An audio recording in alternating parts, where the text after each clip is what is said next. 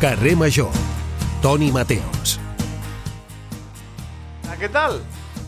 Anem amb una història d'aquelles, com diu l'Iker Jiménez, perturbadora, inquietante. Al 2022, la història de la Meiribon Roches Moraes va donar la volta al món. La Meiribon és una jove brasilera que es va casar en una cerimònia davant de 250 convidats amb Marcelo. Marcelo és un ninot de drap de grandària d'una persona normal i amb una cara pintada. Ojo, peligro. Vida en família amb el ninot. Ara, la Meiribon torna a estar en boca de tothom després de parlar recentment de la seva vida matrimonial amb el ninot de drap i la seva nova etapa com a mare de tres fills. Ojo, perquè Marcelinho, també és un ninot de drap, va arribar a la família fa aproximadament un any, mentre que les bessones Marcela i Emília han estat les dues últimes incorporacions de la família. De drap també, les nenes. Sí, tres ninos de draps, amics i amigues. La dona assegura que la seva vida és més complicada després d'haver tingut bessons. Ojo. Segons explica, la vida amb tres fills ninots no és gens fàcil i admet que les responsabilitats parentals i les despeses de la llar s'han duplicat. Clar, el que gasta un nen, encara que sigui de drap, per cobrir les despeses d'aliments, roba, renda, aigua, electricitat i medicament s'encarga en Marcelino i això li provoca estrès. El Marcelo, el Marcelo és el ninot de drap, sí, com escolten. Qui paga les despeses és el ninot de drap. Però no contents amb això, la relació de la parella entre la Meiribon i el nino de drap ha patit infidelitats. No per part de la dona, sinó per part del nino de drap. Alerta, eh? Ojo, que el que ha estat infidel és el ninot. Malgrat els desafiaments, les dificultats, la dona afirma que la seva família està plena d'amor i de riures. Qui no té feina, el gat pentina o hauria de visitar el psicòleg immediatament. Aleix Pérez, has tingut algun d'aquests problemes amb alguna de les teves relacions? No nines, sinó amb, amb, amb, amb persones? A veure, Toni Mateos, eh, m'estava pisant Encara de riure, rius, eh? perdona, eh? Perdona, eh? Jo anava pisat de riure. A veure, aquests problemes en tenim tots, no?, a les nostres relacions i al nostre dia a dia. Ara bé, jo crec que Marcelo en això no té perdó. Perquè... Marcelo traidor, no? Marcelo, tio. O sigui, Marcelo, no sé, tio, enganyar-la. es- està lleig, està lleig. Clar, és veritat, això no se sap, no, no ha transcendit, no? Amb la- No, no, no sabem res, eh, de, del, de l'engany del Marcelo. Eh, Aquí devia, potser, potser el, el Wilson, no?, la pilota que hi ha del, del, del, de de. Robinson Crusoe. Sí, sí, del nàufrago. O potser l'he enganyat amb la Rosaura, no saps si, qui és la Rosaura. No, qui és la Rosa? Rosaura és una nina mm, molt gran, eh, molt famosa, que es va fer aquí a l'estat espanyol.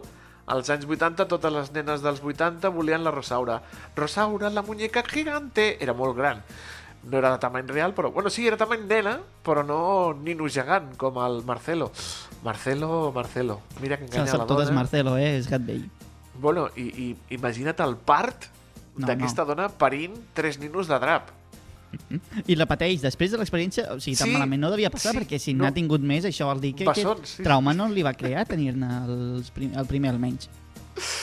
Amics i amigues, notícies curioses. Nosaltres som Ràdio Ciutat de Tarragona, Altafulla Ràdio, Ràdio La Selva del Camp, Ona la Torre, Ràdio Montblanc, la nova Ràdio de Reus, Ràdio Hospitalet i Baix Camp Ràdio juntament amb la xarxa de comunicació local. Som de carn i ossos, crec que sí, i som reals. Cada tarda els acompanyem amb històries ben curioses del Camp de Tarragona, també amb el nostre company tècnic avui, en eh, Eric Rosique, que és més guapo que el ninot Ken, i el Toni Mateos, que és el perrito piloto, el nino del perrito piloto. Benvinguts a Carrer Major.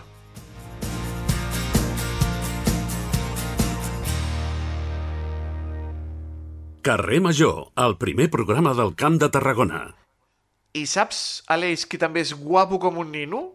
Crec que sé per on van els tiros, és que a la ciutat són molt guapos tots, eh? Sí, és veritat. Sí, sí, és Són tots increïble. guapos, eh, a Radio Ciutat. Ojo, Bueno, eh? la nova també, eh? Però... Bueno, la nova només ni, ni- sou dos i el No, però- Fernández és un, un home adult molt atractiu i, i tu ets molt jove. I si no ets, si no ets guapo quan ets jove, pff, És, malament. és veritat, eh? És veritat, eh? Doncs l'Adrià, l'Adrià Recassens, que és guapo com un, com un nino, com el... guapíssim, com un Sant Lluís, que ens porta un nou capítol del podcast de, el, del podcast de veïns uh, des de Ràdio Ciutat de Tarragona i avui ens porta a conèixer a un tarragoní amb epilèpsia i amb l'optimisme com a bandera. Uh, si et sembla, escoltem un tastet. Som-hi. Aquest és un nou capítol del podcast veïnal del Camp de Tarragona. Històries i protagonistes del nostre territori. Optimisme, superació, empenta, així podríem definir el nou protagonista del podcast de veïns, el tarragoní David Sanauja, qui va fer de la seva malaltia, l'epilèpsia, una raó de ser i d'ajuda col·lectiva. Hola, sóc David Sanauja, eh, tinc 52 anys i sóc el president de l'associació Si jo puc tu també, hashtag Epilep, d'aquí Tarragona, i nascut a Tarragona. En David, de petit, va imaginar un futur amb una professió ben diferent a tantes d'altres que ha acabat desenvolupant. Jo sempre havia dit que volia ser cuiner, però això ho, ho, ho tinc com a hobby. Això, he, he, he sigut un tastaulletes. Jo m'imagino que he sigut això. M'ha descrit com a tastaulletes. tinc epilèpsia i als 40 anys me torno farmacoresistent. Jo penso que sempre bec el got mig ple. Penso que sí, que, que, que tot s'ha de veure amb el got mig ple.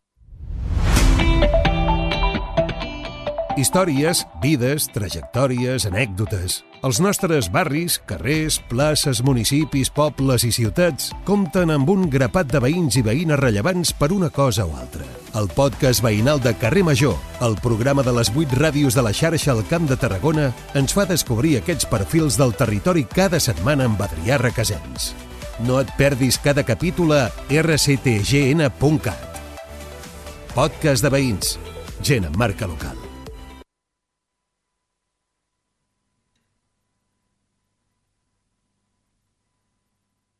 Carrer Major, el primer programa del Camp de Tarragona.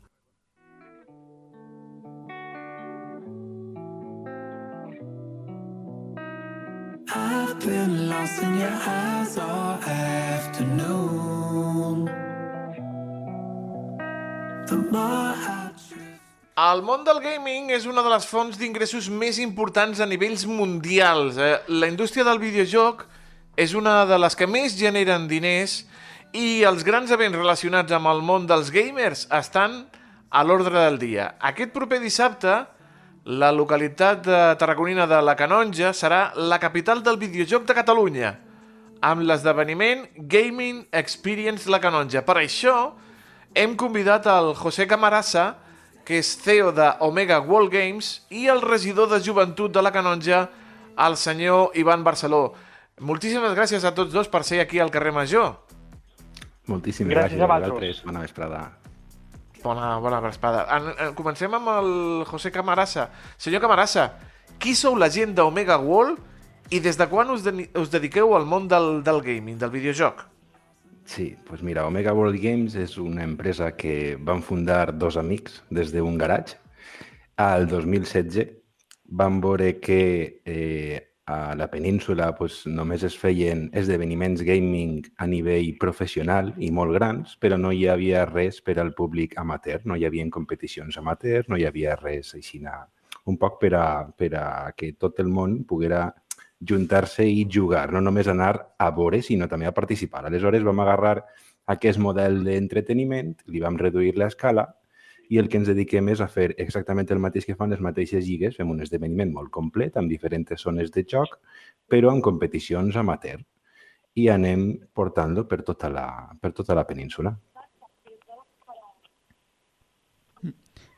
I aquest, i aquest doncs, projecte també volia preguntar una mica com, com sorgeix. Són potser els ajuntaments els que els venen a buscar o una mica a la inversa? Li vull preguntar també una mica al, al, al regidor també, com, per què han decidit apostar per, per, aquesta, per aquesta trobada? Sí, suposa que han, han decidit apostar per nosaltres perquè portem una trajectòria molt gran, portem més de 120 esdeveniments fets, amb més de 55.000 assistents. Eh, fins a 2023 ens dedicàvem només a tota la comunitat valenciana, a partir de 2023 hem expandit per, per tot arreu. Aleshores, eh, diguem que experiència tenim molta, els esdeveniments són molt complets i sí que és veritat que nosaltres el que tenim és un, un pack de servicis com el que contrata una orquestra, no? pues l'Ajuntament pot directament contratar una jornada d'oci te d'oci tecnològic, nosaltres aportem tot el material i la, la gent només té que portar les ganes de jugar. Regidor, és l'aposta, no?, per la gent d'Omega World Games. Bueno, la veritat és que nosaltres, eh, bueno, jo he entrat nou com a regidor de joventut aquesta nova legislatura i una de les meves inquietuds era el, el fer alguna jornada gaming per, bueno, pues, el que deia José, no? per apropar aquesta gent amateur a, a jugar no? i bueno, donar a conèixer eh, aquestes competicions i que la canalla pues, bueno, estigui, estigui aquell dia no? pues, puguem jugar eh, ja no en servei tancat, no? com ara ho poden fer a casa amb els seus amics, familiars, o fent-ho online amb gent coneguda, sinó que aquí ho podran fer pues, bueno, amb tot tipus de gent que, que vindrà aquell dia a l'esdeveniment. Eh, després, eh, l'hora de contractar els serveis d'Omega World, pues, bueno, eh, vam veure a veure quina empresa ens podia organitzar i mirant les diferents ofertes vam veure que Mega World pues, donava el perfil, no? Primer per l'experiència i segon per lo proper, no? Perquè ara per ara eh, qualsevol trucada, qualsevol dubte eh, estan aquí, no?, per donar-nos suport. I és un... O sigui, eh, no sé com anirà eh, l'esdeveniment, perquè això al final és eh, la primera vegada que es fa, eh, no sabem la- l'afluència la, o la- o l'acceptació que tindrà, però de ganes, ara per ara és el que ens sobren. Ganes de, de, de, de que surti el millor possible aquest esdeveniment. Mhm. No sabem si el, si el regidor, el senyor Barceló, és gamer, si li agrada en els videojocs, però el, el senyor Camarasa segur que sí, i han canviat moltíssim, no, senyor Camarasa, els videojocs d'antes als d'ara? La veritat és que han canviat moltíssim, sí, han canviat molt. Eh, jo recorde que nosaltres abans anàvem al ciber a jugar perquè el que podia Jo permetir-se Màtic, jo anava al Màtic. el que podia permetir-se un ordinador gamer en casa era, era un privilegiat, aleshores Ixa dinàmica de quedar amb els amics per a jugar també com a que s'ha perdut un poc, no? Com a que ja cadascú té una videoconsola, un ordinador a sa casa i els nostres esdeveniments pues, eh, és per a que precisament que apropar a la gent, no? que torni a crear-se un poc la- l'ambient de que la gent se, se involucre, se, se relacionen físicament, que no siga tot a través d'una pantalla. Mhm. Eh, regidor, notaven que el jovent de la Canonja i de Tarragona i del Camp de Tarragona necessitaven un tipus d'esdeveniment com aquest, com el que es farà aquest dissabte a la Canonja? Bueno, no sé si ho necessitaven o no, però que serà un esdeveniment únic que fa anys que, o, o que mai s'ha fet aquí a les comarques de Tarragona, això ja ho podem dir. Podem dir. Eh, nosaltres, eh, una miqueta eh, acompanyant el que diu el, el José, sí que és veritat que antigament jo, a veure, jo tinc 44 anys, i jo me'n recordo primer amb l'Atari, no? quan va sortir l'Atari, quan va sortir Bueno. la, la, la Master System, quan va sortir la Mega Drive, no? Això a molta gent li queda lluny, no? Li queda lluny. Eh, pues era el que deia José, no? Nosaltres, els amics, ens reuníem a casa, a casa d'un i, vinga, ens passàvem tota la tarda allà jugant pues el mític Street Fighter, no? O, o, el, o el Mortal Kombat. Eh, jocs eh, que, que ara per ara la, la canalla diria, hosti, quins gràfics, no? Quina manera de fer, no? pues sí, sí, eh, van començar així, eh? No, no, el, nostre company, l'Aleix l'Aleix Pérez de la Nova Ràdio, riu perquè ell no ha viscut tot això de l'Atari, bueno, ni, ni, ni, del, ni de l'Spectrum d'esperar que es carregués el joc, No, que clar. bueno, ja estem parlant de la prehistòria. Bé, No, clar, els jo cassets, ja la- els cassets. Jo vaig agafar ja Game Boy, inicis de PSP i ja hi ha consola, consola gran i, i, ordinador gamer. Jo tinc ordinador Clar, ja... eh, Sí, sí. Jo, em, re- jo em puc remuntar, jo em puc remuntar al PC, al 386, al 286, eh, al 486, vale? i després ja va vindre la- l'Atari, i després de l'Atari, pues, bueno, ja, ja podem dir la, pues, les que he anomenat abans. Eh? El que passa que, bueno, I tant, això, i eh, això són jocs d'arcade que, que al final la gent, eh, bueno, la gent de la meva edat, eh, s'està comprant rèpliques perquè trobem a faltar aquell mític joc de, de, de, de l'avioneta no? que anava per una pista i anava disparant als diferents, als diferents marcianitos que li sortien, no? Eh, bueno, sí, eh, com diu José, això ha evolucionat moltíssim, moltíssim, eh? Exacte, i Jo- per exemple no, hi ha, també hi ha inclús els, els emuladors que permeten recuperar tots aquests jocs en formats Sí. actuals. Eh, senyor Sí. Carmassa, una mica també, què podrem trobar en aquesta Gaming Experience? Podrem trobar també la gent que ja doncs, ha vist unes quantes consoles també podrà jugar-hi, que també és una crida per la gent jove, què s'hi podrà trobar? Clar, aleshores, mira, eh, a la Gaming Experience anem a trobar una zona amb videoconsoles PlayStation 5, eh, hi haurà una part de competició per a la competició de FIFA i Fortnite i hi haurà una part de joc lliure amb jocs eh, com també FIFA i Fortnite per a joc lliure, però també estarà Rocket League, Minecraft, diferents jocs eh, que la gent sol jugar molt al mercat. Després tindrem eh, la zona de simulació amb simuladors de rally, simuladors de Fórmula 1, Eh, és una zona de joc lliure accessible per a tot el que vulgui, vulgui provar-les. La zona de realitat virtual amb diferents experiències de realitat virtual, les noves Oculus.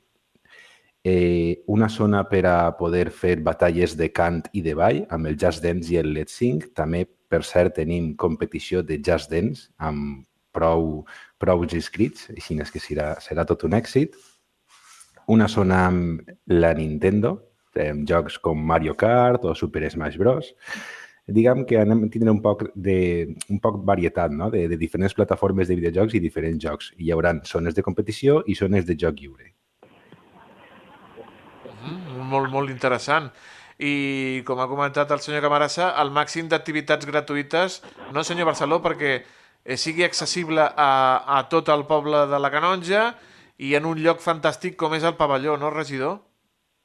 Sí, nosaltres eh, li volem donar visibilitat a, a aquesta jornada gaming, li volem donar visibilitat pues, bueno, per al propi poble de la, de la Canonja i després pels pobles del, del voltant. I el fer-ho en un espai tan gran com és el, com és el pavelló, pues, hosti, dona peu dona peu a que, a que es pugui omplir i pugui vindre el, el màxim de gent possible, no? Fantàstic, fantàstic.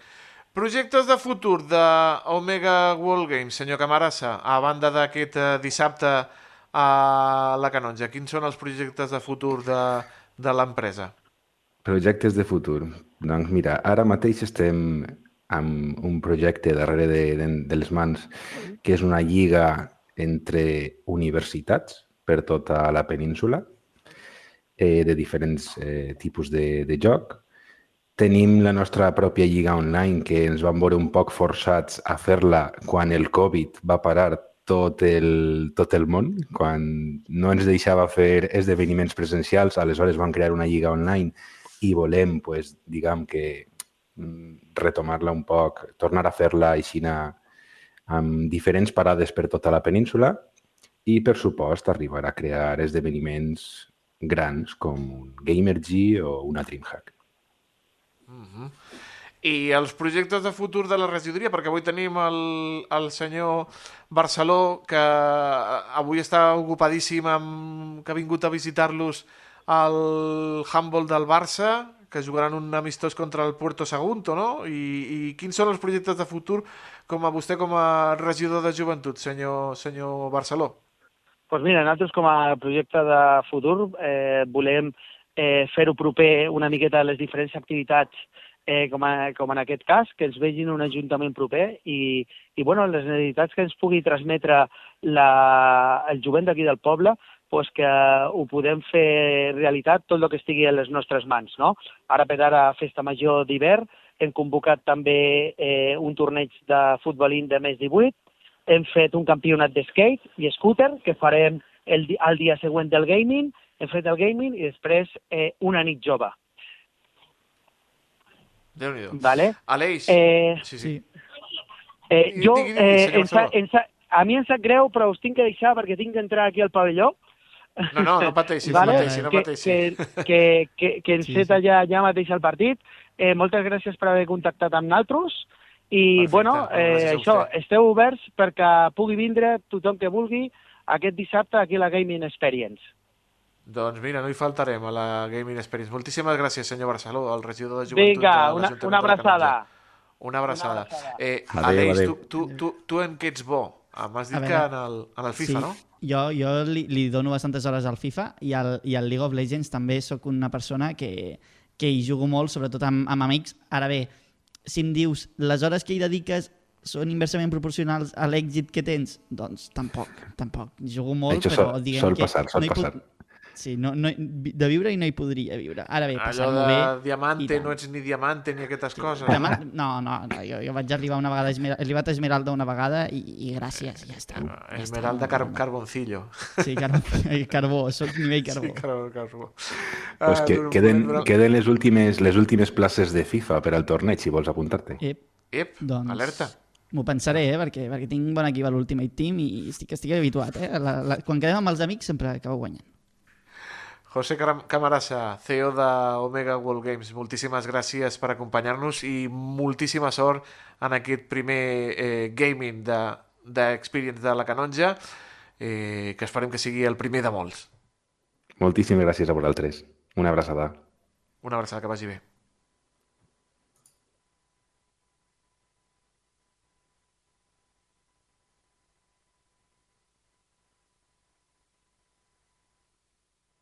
Carrer Major, al Camp de Tarragona, des de ben a prop.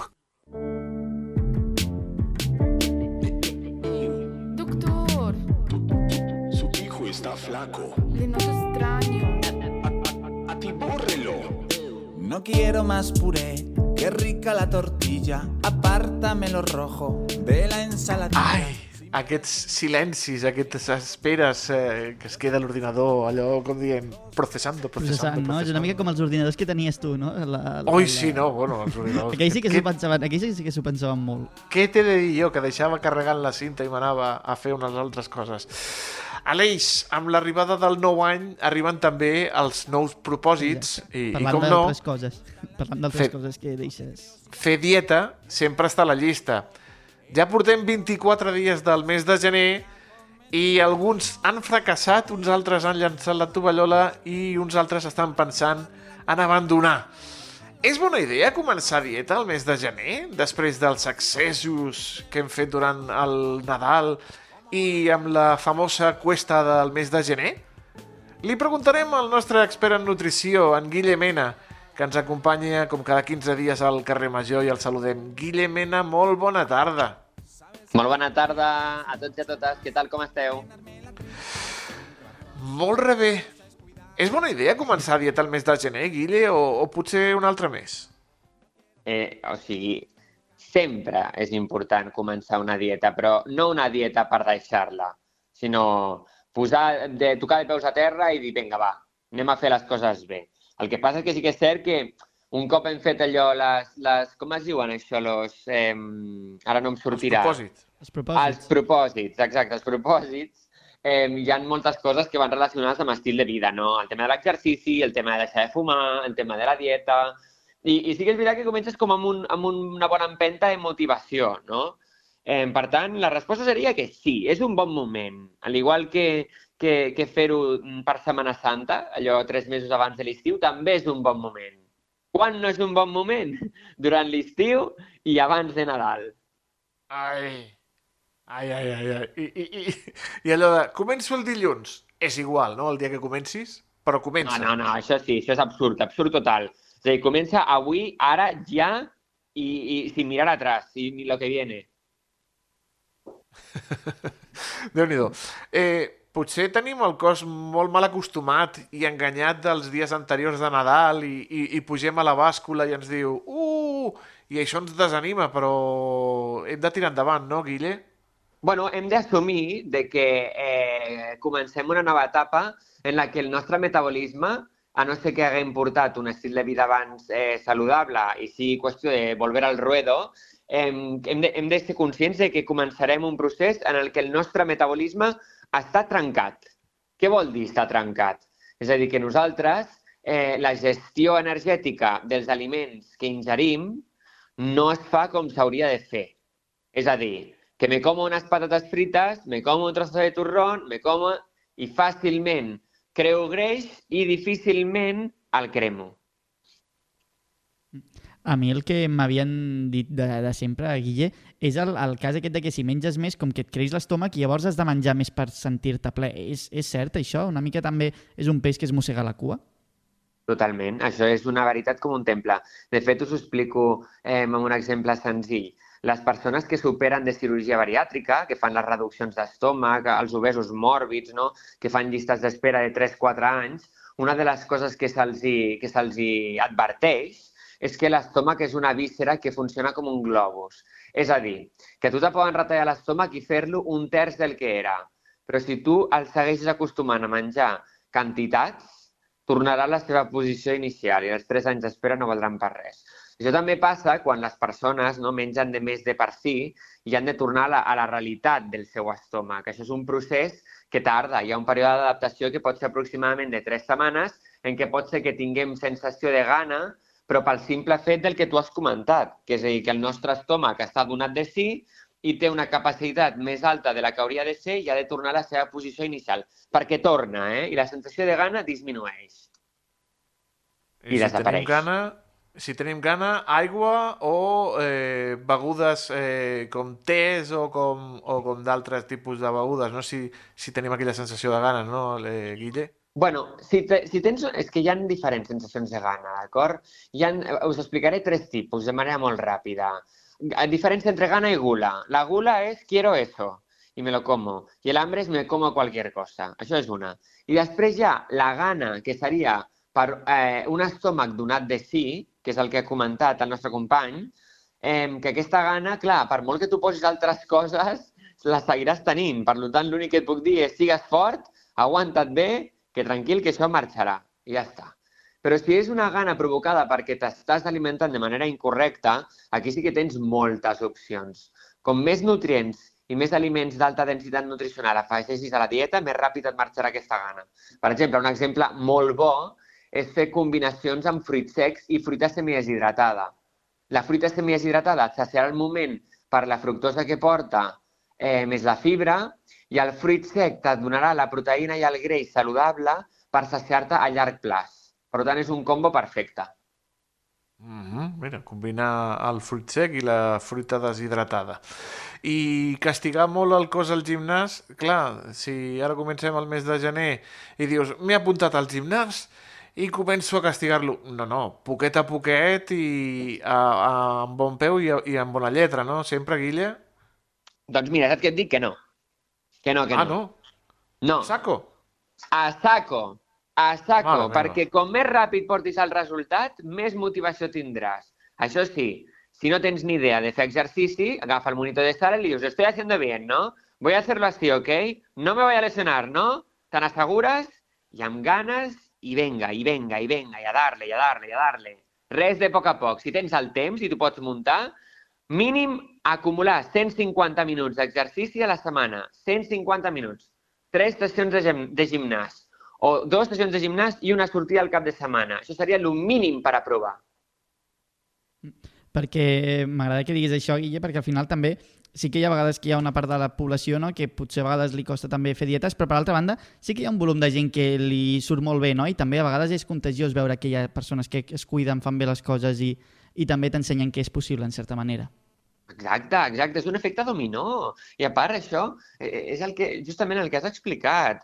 Si ho fas, funciona. D'acord? A no ser que hi hagi algun problema hormonal que, que, que et faci que et costi una miqueta més. Ho aconseguiràs igual, eh? Però el de començar a poc a poc agafant hàbits i tal... No. Al gener, no. Al gener comença a tope, tinga resultat i després ja disminuirem una miqueta. Per fer alguna realista, però a tope. Ui, ui, ui, a mi em fas patir, eh, Guille?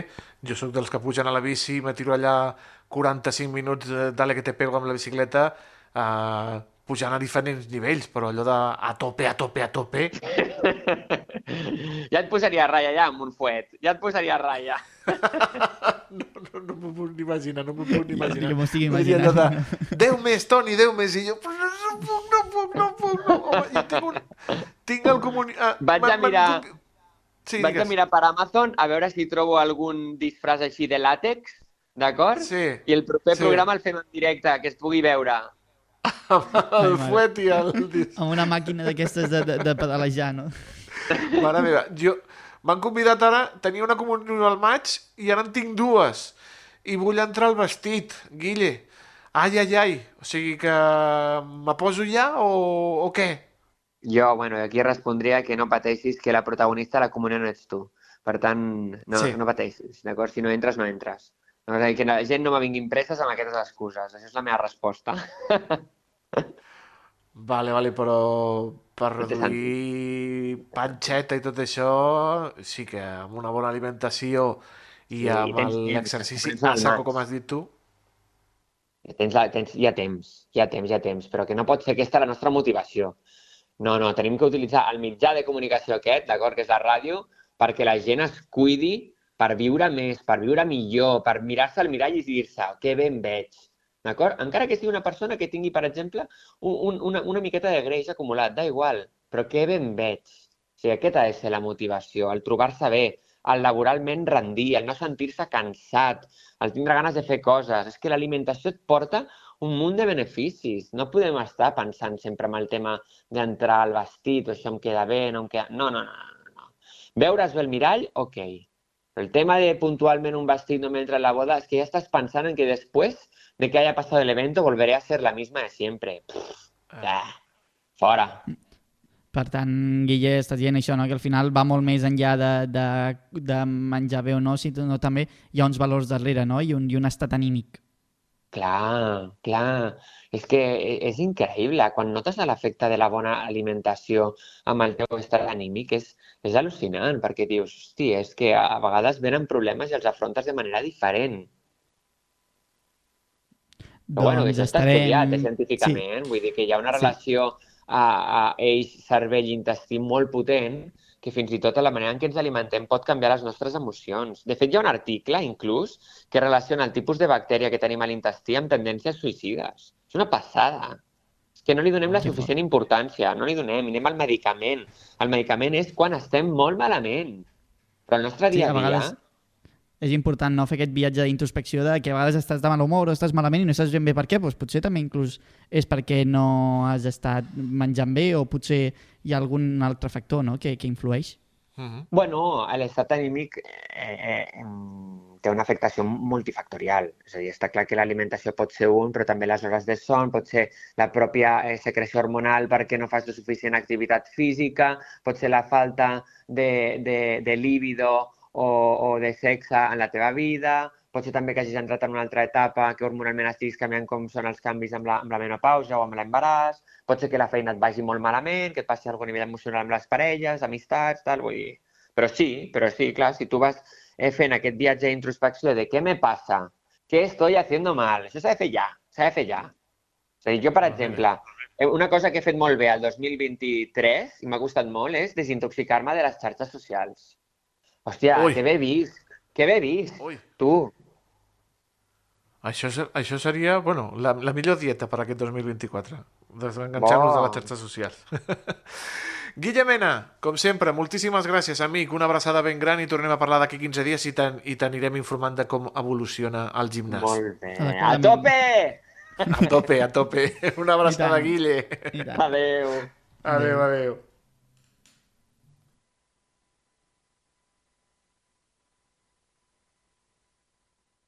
Carrer Major, al Camp de Tarragona, des de ben a prop. Gràcies.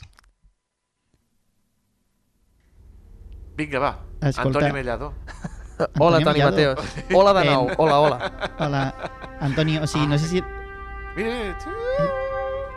Hola, Aleix, també. Hola, Aleix. Això és... Dramàtic, eh? 2001. Saludar-se així. És com molt dramàtic, eh? Home, sí, amb aquesta música qualsevol cosa és dramàtica i èpica, Oh. també, no, Toni? Trobo que sí que és èpica. Eh, dramàtica no ho sé, però èpica... Intensa. A- Aquí m'estic imaginant. Ara amb la pel·li Barbie, abans era el mico amb el- amb l'os del 2001 Odissea de l'Espacio i ara veus a la nena amb la Barbie, colpejant. El Barbieheimer es diu, El no? Barbieheimer, sí, Sí, senyor, sí, sí, sí. senyor. Avui parlem d'això, no, Toni? Una mica... Una mica d'això perquè tornen, estimat Aleix, als Premis Òscar. Eh, Bravo, bravo. bravo. eh. Bravo, Els veieu no? Bravo, o sigui, bravíssimo. feu l'exercici de veure'ls, no? Batrus o... Sí, sí. Sí. Ens quedem adormits, però intentem fer-ho. Mira, i enguany amb una destacada presència catalana. La Societat de la Nieve del Juan Antonio Bayona no sols ha quedat entre les 5 finalistes per l'Oscar de millor pel·lícula internacional, sinó que a més suma una nominació més en la categoria de millor perruqueria i maquillatge. Per la seva part, eh, Robot Dreams, de Pablo Berger i de producció catalana, també és un deliciós film sobre l'amistat entre un robot i un gos, opta a l'Oscar de millor pel·lícula d'animació. Aquestes dues bones notícies pel nostre cinema van ser anunciades ahir en les grans nominacions als Oscars 2024. Què tenim, Toni Mateos, de nominacions? A veure. Doncs mira, gràcies, Antonio. Oppenheimer, del Christopher Nolan, afronta els premis com la gran favorita amb 13 nominacions. Ostres. Uf, són moltes. Potser, si no aconsegueix més de 5, diuen fracasso i tot això. Incloent-hi els de millor pel·lícula, millor direcció, millor guió adaptat i els seus actors, el Cillian Murphy, la Emily Blunt i el Robert Downey Jr. en les principals categories. I si no aconsegueixen guanyar, nyec. Ai. Li segueixen Pobres criatures de Yorgos Lantimos amb 11, amb una Emma Stone com a favorita per l'estatueta de millor actriu. També tenim Els assassins de la lluna de Scorsese amb 10 i Barbie amb 8. Um, ben sonada ha estat l'absència de reconeixement per a Margot Robbie com a protagonista i de Greta Gerwig com a directora, que, com dèiem, no, ja han aixecat una mica enceses reaccions a les xarxes socials. Sí. A Twitter, de fet, que és A on Twitter. sempre la gent va queixar-se i a plorar. Sí, sempre és a Twitter. Sempre diem xarxes socials, però en veritat els problemes sempre estan a Twitter. És Twitter. Exacte. És Twitter. La 96a edició, 96a edició dels màxims guardons de l'Acadèmia de Cinema de Hollywood celebraran el millor del setè art després d'un any marcat per les importants vagues de guionistes i d'actors i actrius que han tingut en jaque mate a la indústria i que van posar en escac diversos aspectes del model de negoci del cinema. Però si res no ho impedeix, el pròxim 10 de març, com una altra vaga o una bufetada de Will Smith, eh, si no ho impedeix, Sí. tindrà lloc la cerimònia de lliurament de guardons, de nou amb l'humorista Jimmy Kimmel com a presentador. Recordem que és la seva quarta ocasió, després de les gales de 2017, 2018 i de l'any passat, de 2023, des del clàssic Dolby Theatre a Los Angeles. Anem amb Bayona, anem amb la Societat de la Nieve. Des de que va fer la seva òpera prima, a l'Orfanato, passant per Lo Impossible, fins a la seva participació en la saga Jurassic World, el director català s'ha convertit en el nostre autor més internacional, superant a Amenábar, qui se'n recorda ja d'Alejandro Amenábar, o de Pedro Almodóvar. El Bayona és la cara actual dels directors espanyols. Ja el 2007, Bayona, amb l'Orfanato, va ser triada per representar a Espanya als Òscar en l'apartat de millor pel·lícula internacional. No va aconseguir finalment estar entre les candidates, però la seva repercussió a nivell internacional va ser apoteòsica. Es va convertir, de fet, ràpidament com un director de culte gràcies a l'originalitat de la seva proposta. I recordem que Bayona va començar dirigint vídeos de Camela. que quedi ben clar. Va ser la seva porta d'entrada a Hollywood, els vídeos de Camela no, sinó el orfanato. Ja, ja. Home, I havia... faltaria més. Sí, bueno, calla, calla. Cuando zarpa el amor és un vídeo que te cagas. Uh, Bayona seria considerat com l'Spielberg espanyol. Sempre li fiquen aquell, aquells mots especials. Molt agosarat, eh? Sí, gràcies a la seva tècnica impecable i sobretot a la capacitat d'inundar d'emoció les històries en les quals la infància és peça fonamental, així com també la pèrdua d'éssers estimats, el sentiment de buit i el desarrelament. Amb Lo Impossible va fer un pas més enllà tant a nivell de producció com de dimensió internacional per narrar la història real d'una família espanyola que va sobreviure al tsunami que va tenir lloc a Tailàndia el 2004 i per la qual el seu protagonista, la Naomi Watts, va ser nominada als Oscar el 2013. A més, en ella, el director va descobrir a un jove Tom Holland que iniciava just, justament la seva carrera, convertint-se en l'actor de moda i doncs el nou Spider-Man, el Nate, eh, aquell de l'Uncharted, de tot, sí, de fet. De, fet, eh, de fet, bueno, el noi ja me sembla que s'està prenent un descans eh, perquè el seu cap li ha dit eh, o pares o ja veuràs. El següent projecte de, després de Lo Impossible va ser un dels més personals de la seva carrera del Bayona. Un monstre ve a veure'm. La història d'un nen que, aterrit davant de la mort de la seva mare, inicia una relació imaginària amb un arbre monstre que l'ensenyarà a enfrontar-se a totes les seves pors. Bayona triomfava amb aquest film personal i molt íntim. I per tot plegat, doncs, era inevitable que la maquinària de Hollywood acabés comptant amb el seu talent, i així va ser, arribant a Jurassic World, el regne caigut, protagonitzada per Chris Pratt i Bryce Dallas Howard, i en la qual va imprimir doncs, el seu segell, encara que es tractés d'una franquícia. Què et va semblar, Toni Mateos? la? Eh, la millor de... després de la primera de l'Spielberg. Ah, Exacte, tal qual, tal qual. Tal eh? qual. Després va dirigir l'adaptació en sèrie del Senyor dels Anells, Els Anells del Poder. Aquí, fins- aquí sí que he de dir... Nyec! Molt lenta, molt lenta, molt lenta. Fins a arribar, doncs, a la darrera, que es pot veure a Netflix, per cert, que no s'ha d'anar molt, en- molt enllà, és Boníssima. La Societat de la Nieve i és boníssima. Boníssima. I deixem a Bayona i anem amb Pablo Berger, el director bas de l'arriscat film Blancanieves, una pel·li en blanc i negre amb la Macarena Gómez com a protagonista, optarà Macarena García, perdó, optarà per aconseguir l'estatueta a millor pel·lícula d'animació per Robot Dream, aquesta humil i artesanal pel·lícula en què ens narra la curiosa amistat entre un gos i un robot, deixant de banda les seves diferències que es cola merescudament a la cursa dels Oscars. La pel·lícula de Berger fa història en aconseguir una nominació en una categoria que sol estar acaparada per grans produccions. No ho tenia fàcil, eh? però finalment ho ha aconseguit i competirà en la pròxima edició dels Oscar amb pel·lícules com El noi i la garça, del veterà geni de l'animació japonesa Hayao Miyazaki, boníssima, el blockbuster Spider-Man creuant el multivers, que l'he de veure, Toni Mateos. Boníssima. La tinc pendent encara.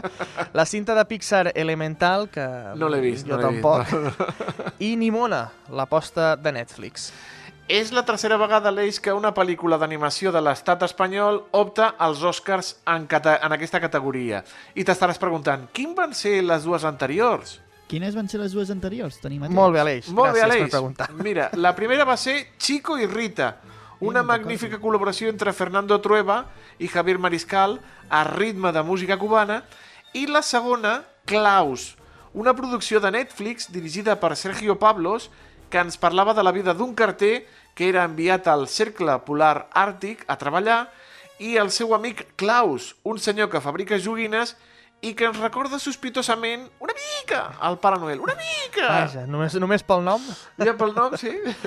Fora de la llista trobem grans absències, com les que hem comentat de Margot Robbie per Barbie o la seva directora, la Greta Gerwig, però també Penélope Cruz, ho trobem a faltar. Sí. sí? I és que optava a entrar a la lluita com a millor actriu de repartiment per Ferrari. Mhm. I també trobem a faltar en Pedro Almodóvar, que tenia opcions per al seu curtmetratge Estranya forma de vida, que és molt bo també, eh? Sí, amb el Així Pedro com- Pascal i el Ethan Hawke. Sí, així amb aquest estil vaquer, mira, no sé, una, una cosa... I, i, I els vaquers vestits de, de Gucci, me sembla. O sigui que... En fi, en, enhorabona als nominats i molta sort, i ja us direm aquí els tonis, no?, com ha anat la nit dels Oscars, eh, després de, de quedar-nos desperts Una tota una nit, i, i al març, encara, encara queda una miqueta. Encara queda una miqueta. Antonio, gràcies, una abraçada. Ens veiem divendres. Adeu. Adeu. Adeu, vagi bé. Tot el que passa al Camp de Tarragona t'ho expliquem a Carrer Major. Banda sonora. Vinga.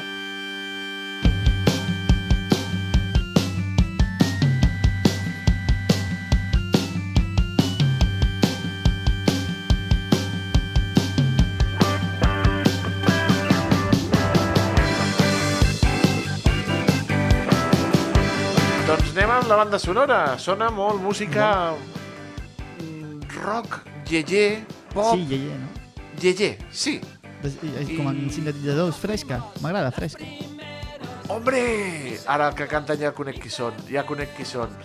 Ens ho presenta el David Fernández des de la nova ràdio. David, bona tarda. Hola Aleix, hola Toni, molt bona tarda. Avui escoltem una de les formacions en actiu més veteranes, sense cap mena de dubte, del Camp de Tarragona. Per trobar-los hem de parar a Tarragona ciutat, a la seva Tàrraco, d'on són els Glosters. Los Glosters, aquesta banda influenciada per la música 60, seixantera, que estan en actiu des de meitats dels anys 90, que es diu aviat. Primer es van donar a conèixer amb el nom de Pirats a l'època del boom del rock en català, amb el qual van treure un treball discogràfic, i poc després van canviar del català al castellà, van canviar la denominació i ja van agafar el nom de Los Glosters, amb què s'han donat conèixer arreu de la geografia catalana com a exponents del mot i d'aquesta música doncs, més revival d'alguna manera. Una gent que no para, que no para quieta. De fet, ara fa un parell d'anys enregistraven un disc en directe a la Sala Zero de Tarragona per commemorar els seus 30 anys sobre els escenaris i ara fa pocs mesos, de fet el mes d'octubre de l'any passat, van editar un EP amb tres cançons, Los Ciclones, Las Noches del Stone o Recuerdos d'ayer. Aquesta que escoltem es diu Los Ciclones. Tres cançonetes incloses en un EP que portava per nom Quatro, encara que només tingui tres cançons, eh? Una gent, los Glosters, que no paren de fer carretera, de tocar per tot l'estat, com diem, i, per exemple, doncs, aquesta setmana els tindrem tocant a Sevilla, però és que és habitual veure'ls doncs, fent concerts més enllà de la geografia catalana. Avui ens ha vingut de gust recordar la música de Los Glosters amb aquesta cançó Los Ciclones, que per cert és bastant autobiogràfica. Escolteu-la, busqueu-la a xarxes. I doncs ja sabeu, si us han agradat, com us diem sempre, busqueu-los en concert o si no, escolteu-los en alguna de les plataformes on hi ha la seva música. Moltíssimes gràcies, David Fernández, Los Gloster, banda mítica de Tarragona. I de Tarragona anem a Madrid perquè fins allà hi ha la furgoneta, la nostra furgoneta del carrer Major, que s'ha anat fins a Madrid i està allà alerta amb això l'Àlex Riba, enviat especial de Ràdio Ciutat de Tarragona a Fitur. Parlem amb ell. Àlex, molt bona tarda. i Ràdio Ciutat de Tarragona, a Fitur, a Madrid, i avui estem amb l'alcalde de Salou, Pere Granados. Enhorabona, no només per l'acte que va tenir lloc eh, el passat dimarts, sinó també per això, perquè Salou ja té un estant propi sota la marca de Costa Dorada, però ja té aquesta presència que vostè ha demanat eh, anteriorment. Sí, efectivament. Eh, al final s'ha entès que Salou, com a el municipi més important de costa de Catalunya i un dels més importants d'Espanya, en una fira com és Fitur, de les, la més important que tenim a l'estat espanyol, havia de tenir marca pròpia, com tenen altres eh, municipis turístics similars a nosaltres, com pugui ser un Benidorm o com pugui ser un Torremolinos o qualsevol altre de les illes. No? Per tant, era una, una qüestió que jo crec que al final s'ha entès, perquè en definitiva nosaltres venim aquí a promocionar. I per tant, quan parlem de promocionar, estem parlant de publicitat. I si no estàs, si la marca no té presència, no existeix. I aleshores hem aconseguit això. I com Madrid és un mercat per a nosaltres prioritari com un mercat de proximitat, perquè l'estem treballant i volem que els madrilenyos i les madrilenyes se desplacin a Salou per conèixer aquesta oferta fantàstica que té el nostre municipi, doncs evidentment necessitem tenir presència de marca i explicar el que som i el que nosaltres oferim perquè la gent visqui una gran experiència a Salou. Quina és la situació turística de Salou? Bé, eh, nosaltres hem donat el resultat del 2023 i en quant al que és el número de visitants hem superat el 2019, que és l'any de, de referència, i hem crescut també en els mesos que no són els mesos d'estiu. Per tant, estem veient que a l'inici d'aquestes campanyes de Salou doncs, durant tot l'any està donant ja els seus eh, fruits. I jo crec que això anirà més, perquè la promoció que estem fent justament és per mostrar que Salou té vida durant 365 dies. Bé, el Mercat de Madrid té tot un seguit de característiques que fa que Salou s'hagi fixat en el mateix. En primer lloc, perquè és un turisme de proximitat. Estem a dues hores i mitja en AVE i, a més a més, en, cinc, en menys de 5 hores per, a, per autopista que poden arribar fins a, fins a Salou. A banda, hem de tenir en compte que la capital, Madrid, però també les, les, les ciutats que l'envolten, que estan al seu entorn, sumen quasi 7 milions de persones. Per tant, és un volum molt important de persones que tenim aquí.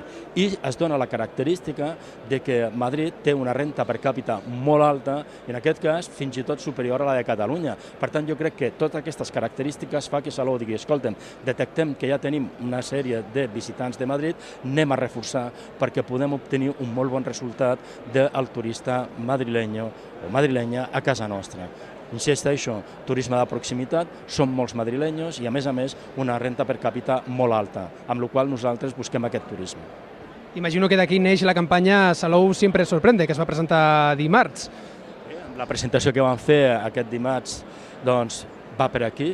Nosaltres ja estem fent campanyes de presentar Salou durant, que té vida durant 365 dies, que té vida durant tot l'any, i és el que fem. Per tant, Salou sorprèn més enllà de lo que és a l'estiu. I Salou sorprèn contínuament perquè sempre està innovant nous productes turístics, com és en aquest cas la gastronomia, la ruta dels miradors, etc etc i tot un seguit d'oferta eh, que, te, que tenim i que tindrem perquè el turista i el visitant doncs, gaudeixi de la nostra ciutat. Salou en el seu moment va notar l'impacte de la guerra d'Ucraïna. Aquest eh, impacte ja s'ha acabat?